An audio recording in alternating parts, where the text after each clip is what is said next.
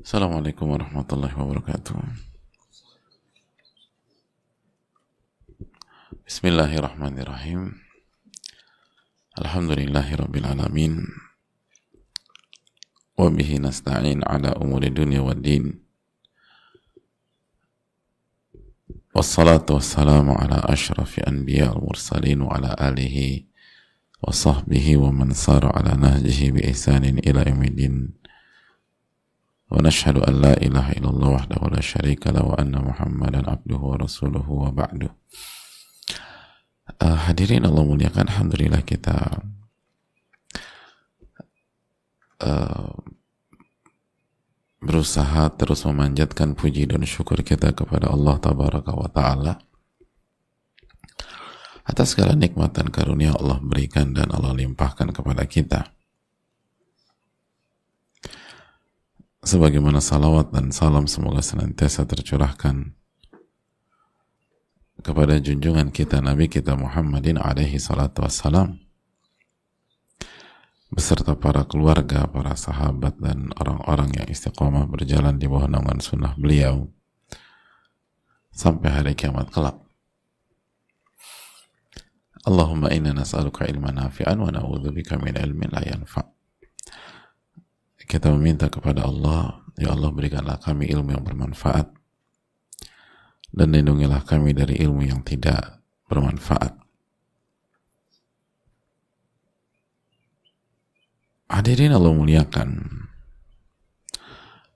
uh, kita kembali bersama Al-Imam An-Nawawi rahimahullah ta'ala dalam bab hak suami yang wajib ditunaikan oleh seorang istri. Dan kita sedang membahas dalil yang pertama yaitu surat An-Nisa ayat 34 Fassalihatu qanitatun hafizatu lil ghaibi bima hafizallah. Kita berada di potongan itu atau di penggalan itu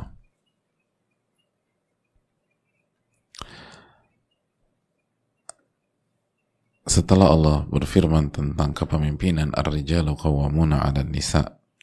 Laki-laki itu pemimpin bagi wanita.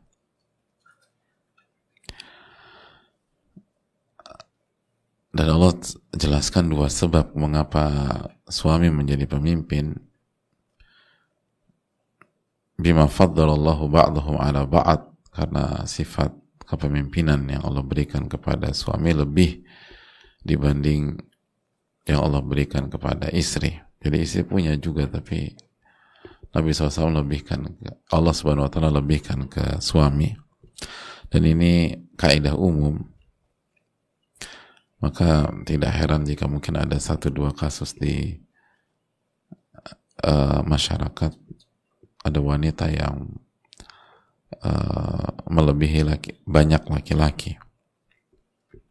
Tapi kaidah umum seperti itu hadirin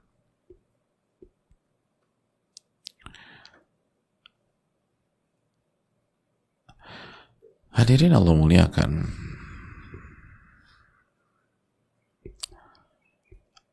Lalu Allah menjelaskan tentang uh, profil wanita yang bisa menjalankan tugas dan kewajibannya. Profil istri yang bisa menjalankan tugas dan kewajibannya. Ternyata mereka adalah wanita-wanita soleha, fasolihat, wanita-wanita yang soleha yang mustaqimat sebagaimana yang kita bahas. Wanita-wanita yang istiqomah. Wanita-wanita yang punya pola kebaikan lalu konsisten dengan pola itu. Bukan wanita-wanita yang labil.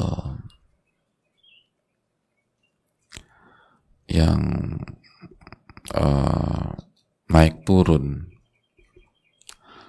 secara uh, secara signifikan secara uh, cepat. Tapi memang mereka bukan wanita sempurna sebagaimana nggak ada laki-laki sempurna. Mereka tetap kulu bani Adam khata setiap anak Adam pasti banyak melakukan kesalahan. Namun mereka punya sekali lagi pola kebaikan yang yang mereka jalani dengan konsisten dan ketika terjadi kekhilafan kealpaan maka mereka langsung istighfar mereka langsung taubat dan mereka bangkit kembali artinya mereka tahu bagaimana menyikapi sebuah kekeliruan. Itulah profil wanita soleha atau istri soleha. Qanitat. Mereka adalah wanita-wanita yang taat. Qanitat. Taat kepada Allah, lalu taat kepada suami selama tidak maksiat. Jadi mereka taat kepada Allah lalu taat kepada suami jika itu atau selama itu bukan maksiat dan kalau itu maksiat la ta'ata li makhlukin fi maksiati khaliq. Nggak ada ketaatan kepada makhluk jika itu berkaitan dengan maksiat kepada Allah.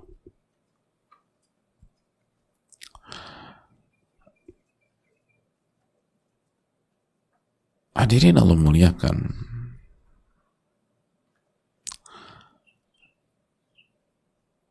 Jadi wanita atau istri yang soleh atau istri yang taat, yang nurut, kecuali jika itu bermaksiat. Nah, hadirin Allah muliakan. Pertanyaannya sekarang, apa itu maksiat? Apa itu maksiat? Karena kalau maksiat nggak boleh nurut. Dijelaskan oleh para ulama kita. Jadi bahwa maksiat itu tidak mengerjakan yang wajib.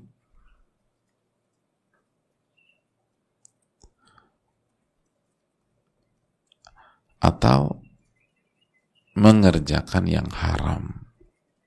Itu maksiat. Jadi maksiat itu tidak mengerjakan yang wajib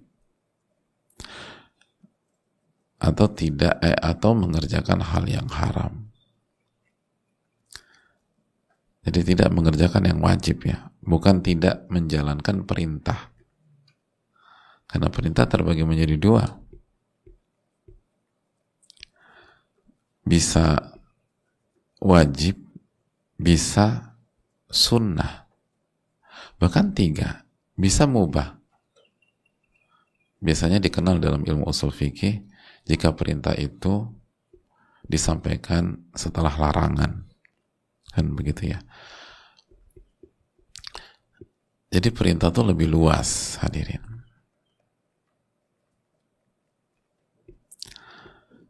Nah apa yang dimaksud dengan apa yang masuk kategori maksiat jika perintah itu kewajiban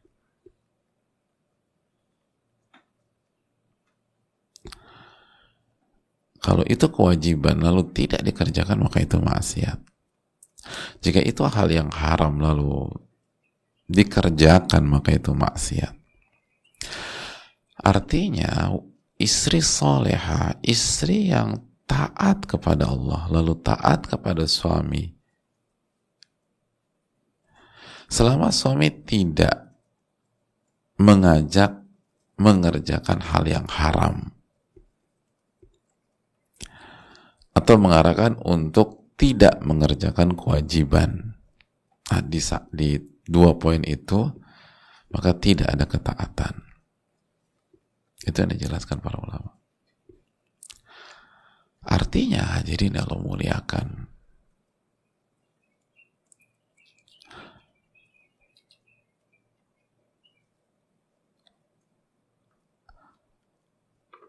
Artinya bahwa Selain itu wajib taat. Wajib taat. Dan kalau kita mau uh, perinci, kita mau klasifikasikan biar lebih mudah ya. Maka kita bisa bagi menjadi beberapa kondisi. Kondisi yang pertama, hadirin,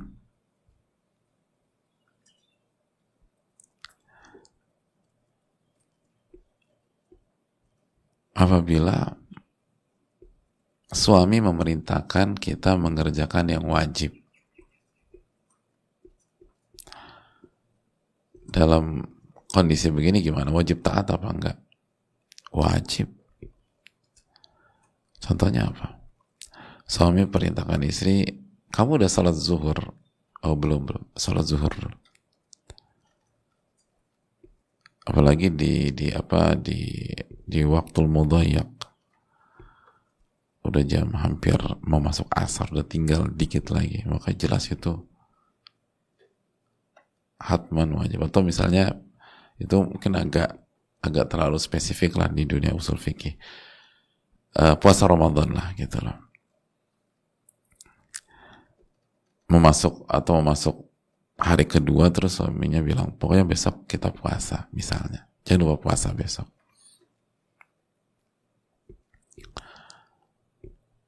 maka itu wajib. Suami memerintahkan istri untuk mengerjakan kewajiban. Suami memerintahkan istri untuk menuntut ilmu. Talabul ilmi faridatun ala kulli muslim menuntut ilmu hukumnya wajib bagi setiap muslim. Suami memerintahkan istri untuk belajar iman. Belajar uh, tentang tauhid tentang belajar tentang kesabaran. Maka hukumnya wajib. Dan kalau istri kerjakan hadirin maka dijelaskan oleh sebagian para ulama maka dapat pahala nggak? Dapat dan dapat dua pahala. Pahala mengerjakan kewajiban dan pahala mentaati perintah suami jadi pahala mengerjakan kewajiban dan pahala menjalankan perintah suami. Jadi kalau suami apa jadi kalau istri punya suami yang quote and quote ngingetin terus kewajiban, itu bersyukur kepada Allah. Karena itu adalah lumbung pahala. Lumbung pahala. Maka kalau suami ingin istrinya dapat banyak pahala, perintahkan aja selalu hal-hal yang wajib. Pokoknya kamu harus ini, kamu jangan lupa ini ya. Itu poin yang pertama. Poin yang kedua, jika suami memerintahkan mengerjakan hal yang sunnah. Misalnya suami sampaikan di hari Ahad besok kamu puasa ya. Temenin aku misalnya gitu. Atau misalnya besok uh, puasa tanggal 9 Al-Muharram. Besok kamu puasa ya? Tanggal 9 tanggal 9 emang wajib nggak wajib tapi ya, saya ingin kamu puasa. Sampaikan ke anak-anak juga pada puasa. Atau nanti puasa Ashura sampaikan lagi. Pokoknya saya, saya mau kamu puasa Ashura ya. Jadi suami memerintahkan istrinya untuk mengerjakan amalan yang sunnah atau suami minta istrinya untuk sholat duha. Pokoknya kamu harus rutin sholat duha misalnya demikian. Nah per pertanyaannya gimana? Harus taat nggak hadirin? Harus taat. Fasalihatu qanitat. Taat sama suami. Dan kalau dia taat dia mendapatkan dua pahala Pahala yang pertama mengerjakan amalan sunnah, pahala puasa Ashura misalnya, kalau itu lusa, pahala puasa Tasua kalau itu esok, dan pahala mentaati perintah suami. Luar biasa. Panen pahala, dapat pahala dari dua sisi.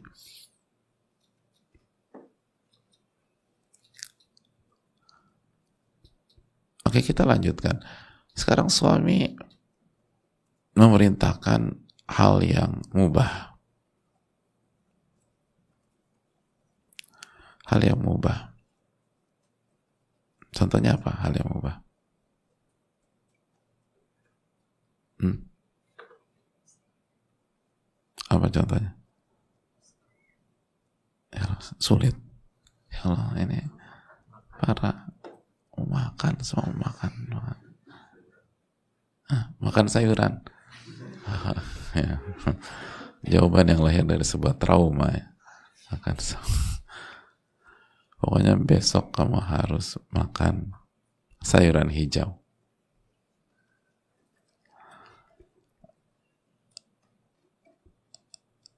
Menu besok itu mau sa sayuran itu mubah-mubah aja. Tapi kalau suami bilang gitu, gimana? Wajib eh, harus taat. Fasalihatu qanitat. Istri yang salih, istri yang taat, maka makan sayuran hijau. Makan sayuran hijau.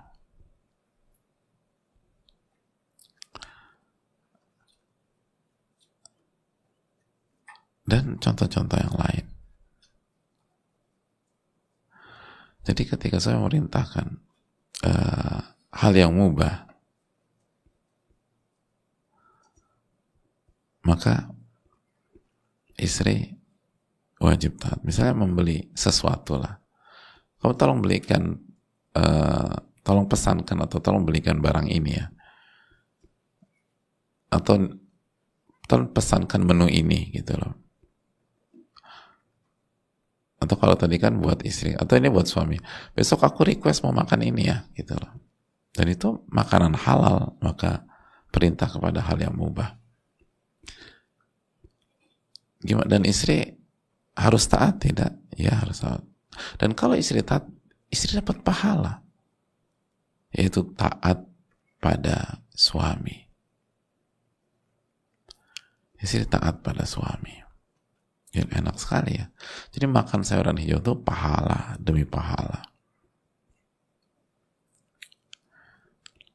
Pokoknya itu enaknya punya suami kata banyak wanita. Dia, dia bisa rubah banyak hal menjadi pahala. Karena diperintah sama suaminya. Itulah istri yang mengerti ilmu agama. Jadi nggak ribet banget sih laki gue nih. Enggak. Justru alhamdulillah suamiku tuh suka perintah-perintah. Jadi aku tuh bisa dapat pahala banyak. Coba kalau suamiku diem aja, ya aku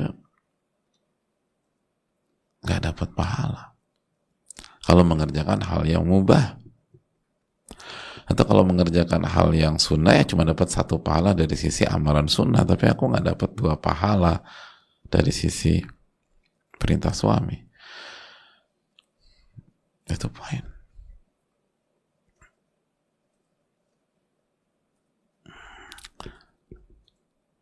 Oke, poin berikutnya, apabila suami uh, memerintahkan istri ke hal yang makruh misalnya. Hal makruh. Contohnya apa contohnya? Hmm? Contohnya? Ah? Apa?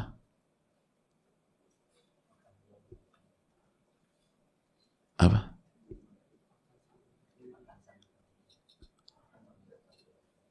Ada panjang urusannya itu. Harus dibahas lagi. Hah? Makan apa lagi? Makan pete. Kamu harus makan pete besok. Kenapa sih kalau makro selalu pete yang di diincar gitu loh? Emang kenal makro misalnya hal makro itu yang ini ya. Suami perintah istri membatalkan puasa Senin Kamisnya di uh, siang hari.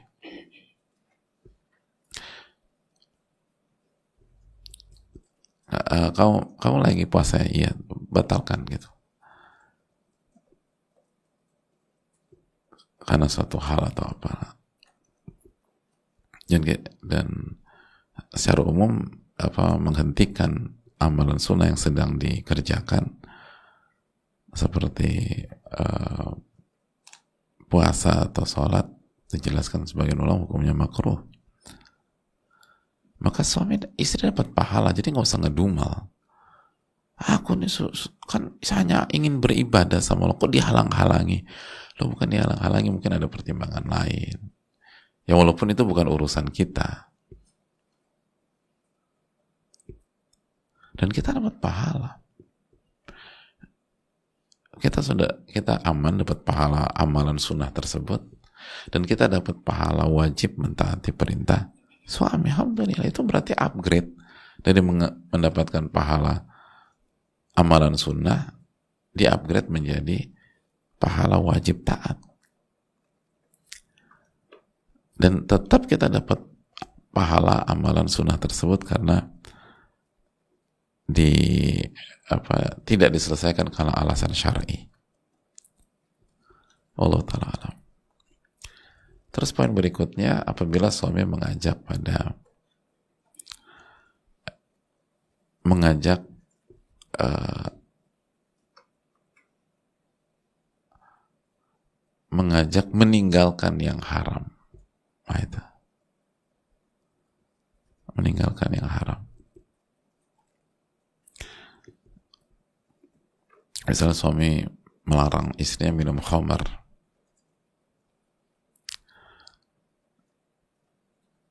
Maka hukumnya apa wajib taat. Suami melarang istrinya memakai pakaian yang memperlihatkan aurat di hadapan wanita di hadapan laki-laki yang non mahram. Maka hukumnya wajib taat. Dan dapat pahala dua pahala taat sama saya dan pahala meninggalkan hal yang haram. Lalu poin berikutnya suami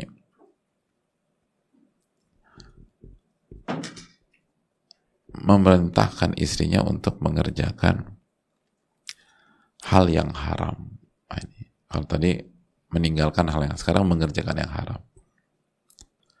Taat apa? Contohnya apa? Suami meminta istrinya itu tadi uh, berbohong. Perintah suami tolong bohong ya untuk ini.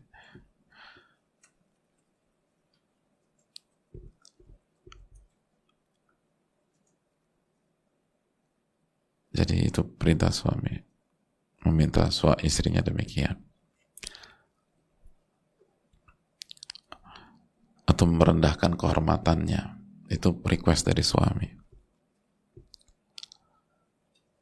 maka la ta'ata li makhlukin fi ma'siyati khaliq. Tidak ada ketaatan kepada makhluk jika bermaksiat. Sebagaimana poin yang terakhir apabila suami mengajak istri untuk meninggalkan kewajiban. Meninggalkan kewajiban. Suami minta istri besok puasa puasa Ramadan ya gitu loh. Padahal tidak ada udur syar'i. Tapi diminta untuk gak puasa Ramadan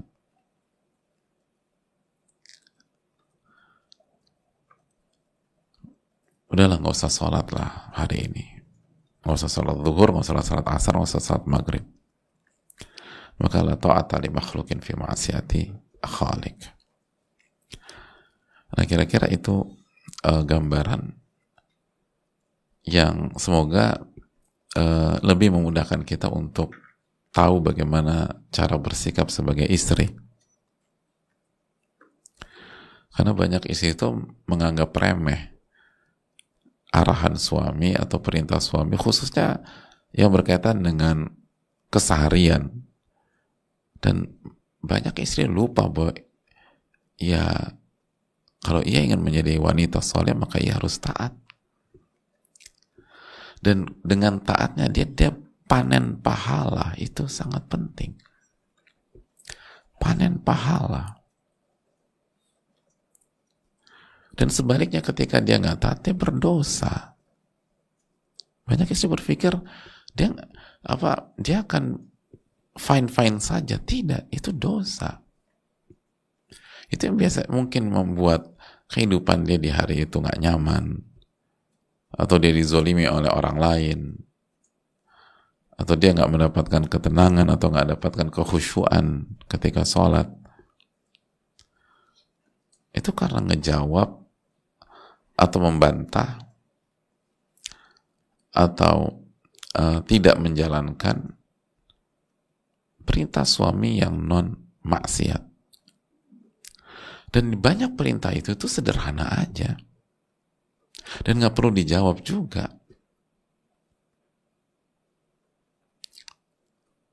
tolong pindahin kursi kursi apa kursi kerja aku ke sini ya kenapa ke situ sih beb? Enak kan di sini. Terus bicara iya kan ribet galanya. Posisi po, kursi itu hukumnya apa hadirin? Mubah kan? Mau di situ kayak mau di sana kayak secara mubah. Ya udah taat aja. Kenapa harus ngejawab gitu loh? Kenapa harus ngejawab? Itu kebiasaan buruk dan kebiasaan buruk itu bukan hanya sekedar ini kebiasaan buruk loh.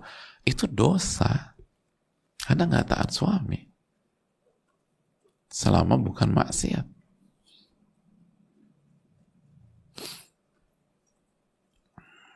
Itu dosa karena nggak taat suami.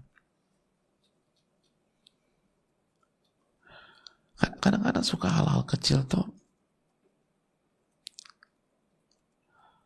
ribet banget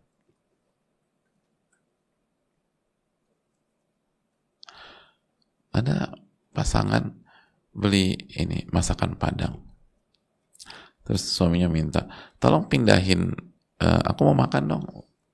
Tolong pindahin uh, apa masakan padangnya dari bungkusan ke ke piring ya. Perintahnya simpel aja itu. Eh dijawab lagi. Masakan padang itu paling enak tuh beb di di bungkusnya apalagi kalau pakai daun pisang itu zen banget gitu. Enggak aku mau jadi piring. Enggak ini yang paling enak. Ngapain cuma gara-gara itu ribut? Ikutin aja suami. Suami pengen di piring di piring. Suami pengen di mangkok di mangkok. Suami pengen di baskom di baskom kan bo emang emang haram makan apa nasi padang di baskom. Kan boleh ikutin aja udah. Yang penting senengin suami kan simpel nggak usah. Ini aneh banget sih laki gue nih. Nggak nggak bisa begitu beb gitu loh. Kan boleh boleh aja. Dan suaminya juga orang Padang gitu jadi nggak ada maksud menginikan aku nih orang Padang aku juga orang Padang kata suaminya. Aku lagi pengen makan di situ. Boleh boleh aja Jadi kadang-kadang tuh hal-hal yang benar-benar sepele itu jadi ribet gitu loh. Karena dijawab.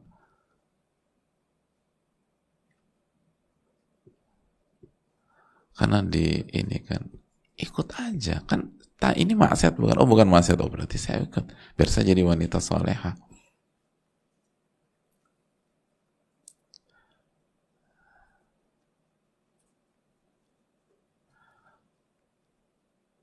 kita berangkat jam 6 ya gitu loh. Kenapa jam 6 Beb? acaranya kan baru jam 9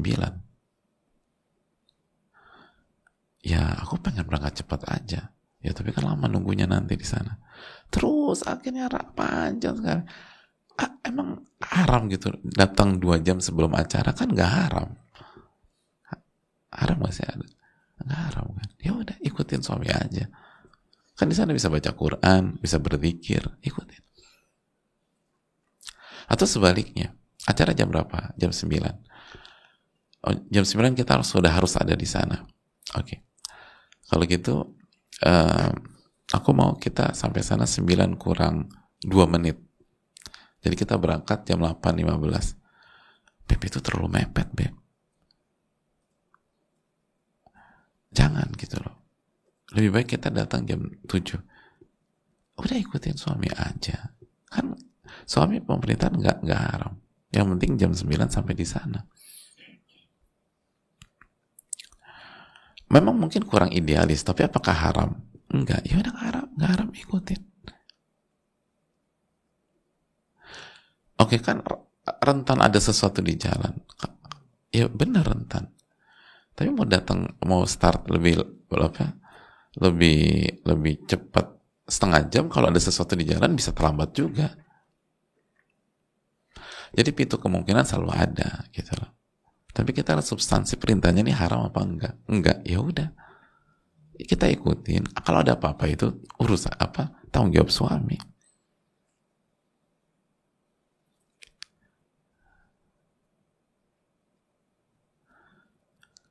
Jadi ada banyak hal itu yang harusnya lancar nyaman. Akhirnya panjang gara-gara hal-hal seperti ini. Hal-hal seperti ini.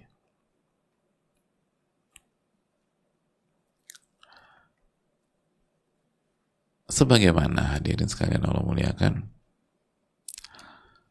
dari sisi suami, uh, kembali ingat wa ashiruhunna bil ma'ruf dan uh, berinteraksilah dengan istrimu dengan cara yang terbaik. Dan kita sudah jelaskan bahwa muasyarah itu mencari angka 10. Dan kita sudah menjelaskan bahwa Al-Karim, orang-orang yang mulia itu tidak mensapu bersih haknya gitu loh. Gak mensapu bersih haknya. Artinya apa?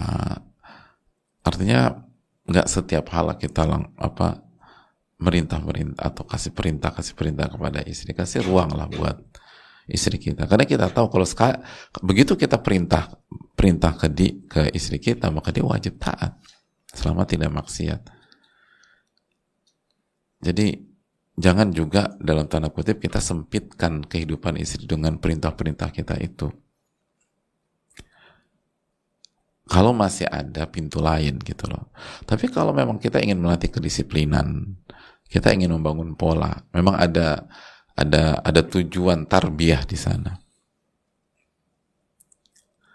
Maka itu itu nggak ada masalah, bahkan itu harus dilakukan. Tapi kalau cuma iseng-iseng aja, atau kadang-kadang suami itu ingin menunjukkan hegemoni aja gitu.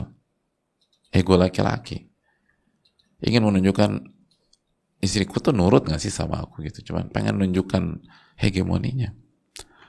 Sebaiknya tidak tidak tidak tidak perlu dilakukan. Walaupun itu hak kita misalnya. Atau itu bisa kita lakukan. Sekali lagi ulama mengatakan orang-orang mulia itu tidak tidak sapu bersih haknya dia akan lepaskan sebagian hal atau sebagian haknya untuk kenyamanan orang lain atau untuk uh, kemaslahatan orang lain dan seterusnya. Apalagi kalau kita punya, uh, misalnya kita punya istri yang kita tahu dia capek sekali apa hari ini, atau memang kesehariannya sudah capek, sudah letih gitu loh. Misalnya capek dengan urusan rumah, capek dengan urusan anak gitu loh. Kita punya anak 19 misalnya. Ya janganlah terlalu perintah-perintah beliau itu. Itu udah udah pening gitu loh. 19 anak misalnya, misalnya. Nanti ada satu yang kecebur lah, satu kepentok lah, satu masuk sumur lah, nanti satu jatuh ke selokan ya jangan ditambah lagi dengan terlalu banyak perintah. Balik ketemu tuh kasih kasih pujian lah kasih reward kasih ini gitu loh. Atau kita yang ngambilin minum lah gitu loh. Jadi ya jadi balance gitu loh. Kalau dari sisi istri uh, siap komit untuk uh, taat dan nurut selama tidak maksiat dari suami juga nggak nggak perlu terlalu saklek dan tidak sapu bersih haknya. Nah kalau setiap kita bermain di kotak masing-masing,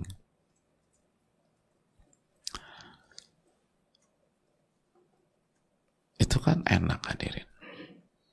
Rumah tangga jadi rumah tangga sakinah mawaddah warahmah. Tapi kalau kita sudah mulai meribetkan hal-hal yang kecil, dan terlalu nuntut pasangan kita uh, sesuai dengan uh, idealisme kita dan sering kali bukan idealisme hadir. Kalau idealisme, apalagi untuk akhirat bisa dipertimbangkan, tapi ini sering kali bukan ideal. Kita menuntut pasangan kita sesuai dengan ego kita, ego kita, baik suami maupun istri nuntut pasangan kita sesuai dengan nafsu kita. Dengan dalil ini kan bukan maksiat. Ya mungkin belum sampai titik maksiat. Tapi kalau cara ini dikembangkan, apakah bisa meraih sakinah mawaddah warahmah?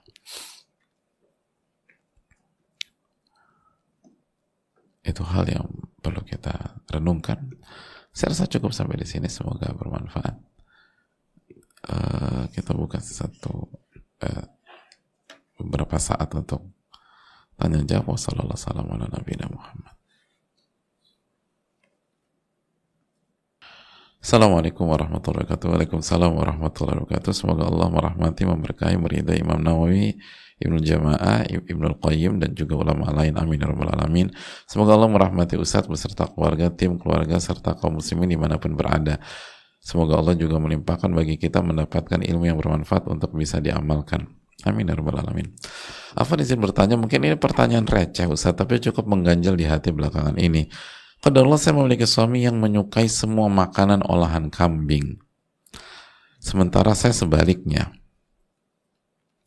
Meski banyak yang berpikir saya berlebihan dan bodoh karena tidak suka dengan makanan enak ini, saya pun tidak peduli. Wah, ini istri yang punya prinsip ini, masya Allah bagus. Dan saya rasa nggak bodoh juga, nggak kok. Kita harus apresiasi setiap selera orang. Nggak bodoh kok. Orang punya hak nggak suka. Rugi aja sama aja. Nggak bodoh tapi nggak nggak tapi aming ah, enak hadirin.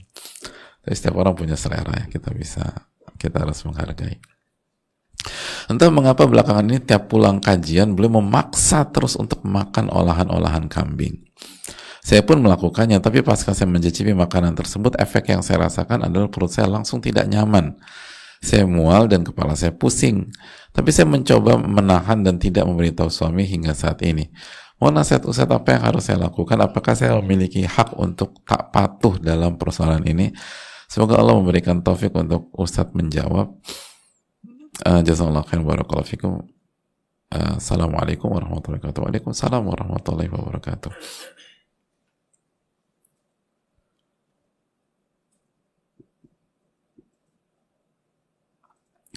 Hadirin Allah muliakan, uh,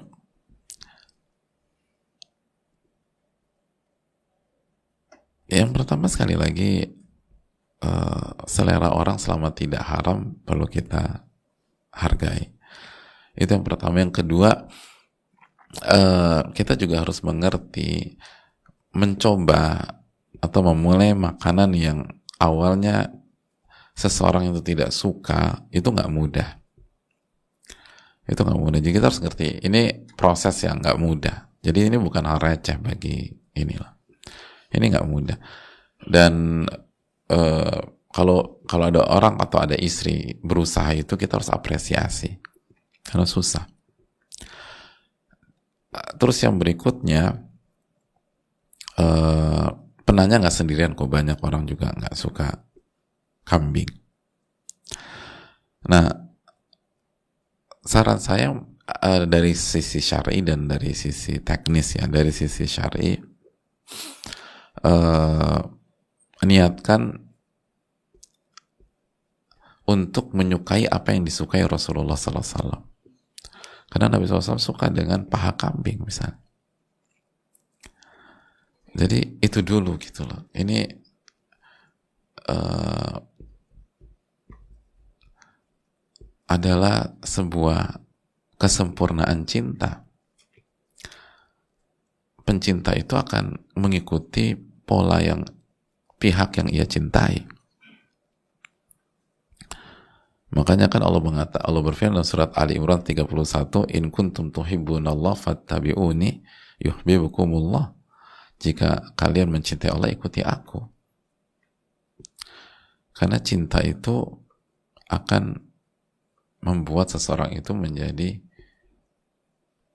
pengikut yang setia akan ngikut jadi niatkan sebagai eh, berusaha menyukai apa yang disukai Rasulullah Sallallahu Alaihi Wasallam Insya Allah kita dapat pahala cinta Rasul Sallallahu Alaihi Wasallam dan ini pahala besar karena Nabi SAW suka dengan paha kambing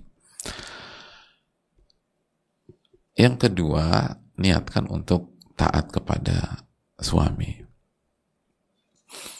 Taat kepada suami. sehingga pahalanya besar.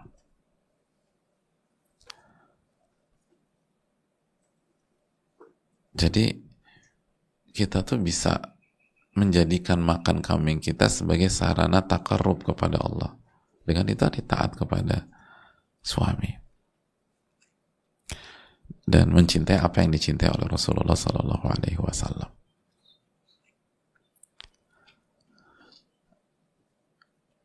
Lalu yang berikutnya, secara teknis,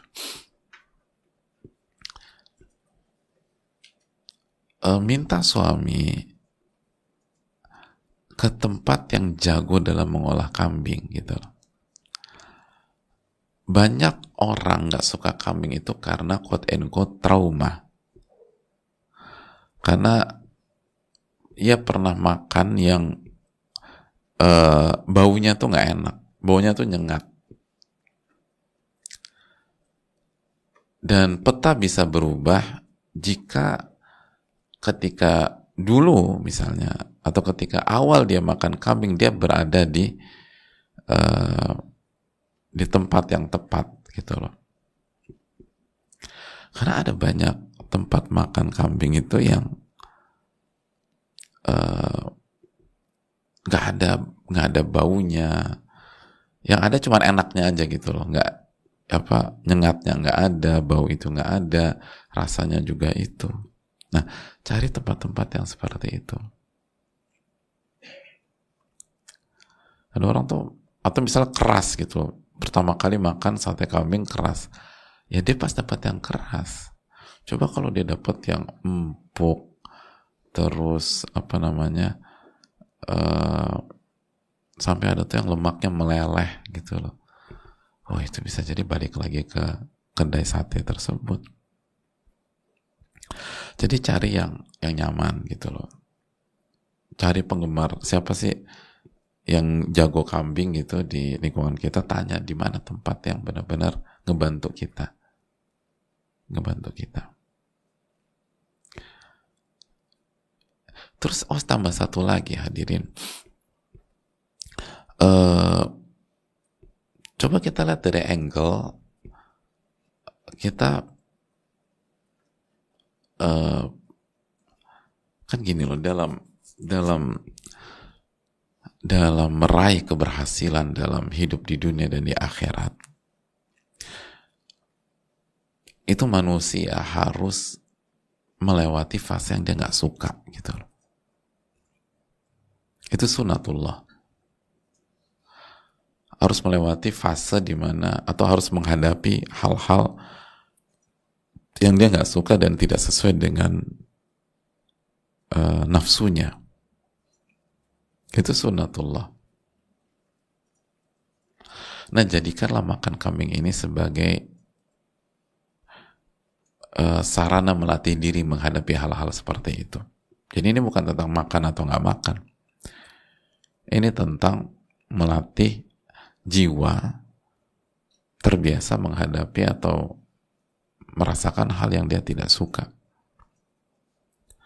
Dan kalau kita bisa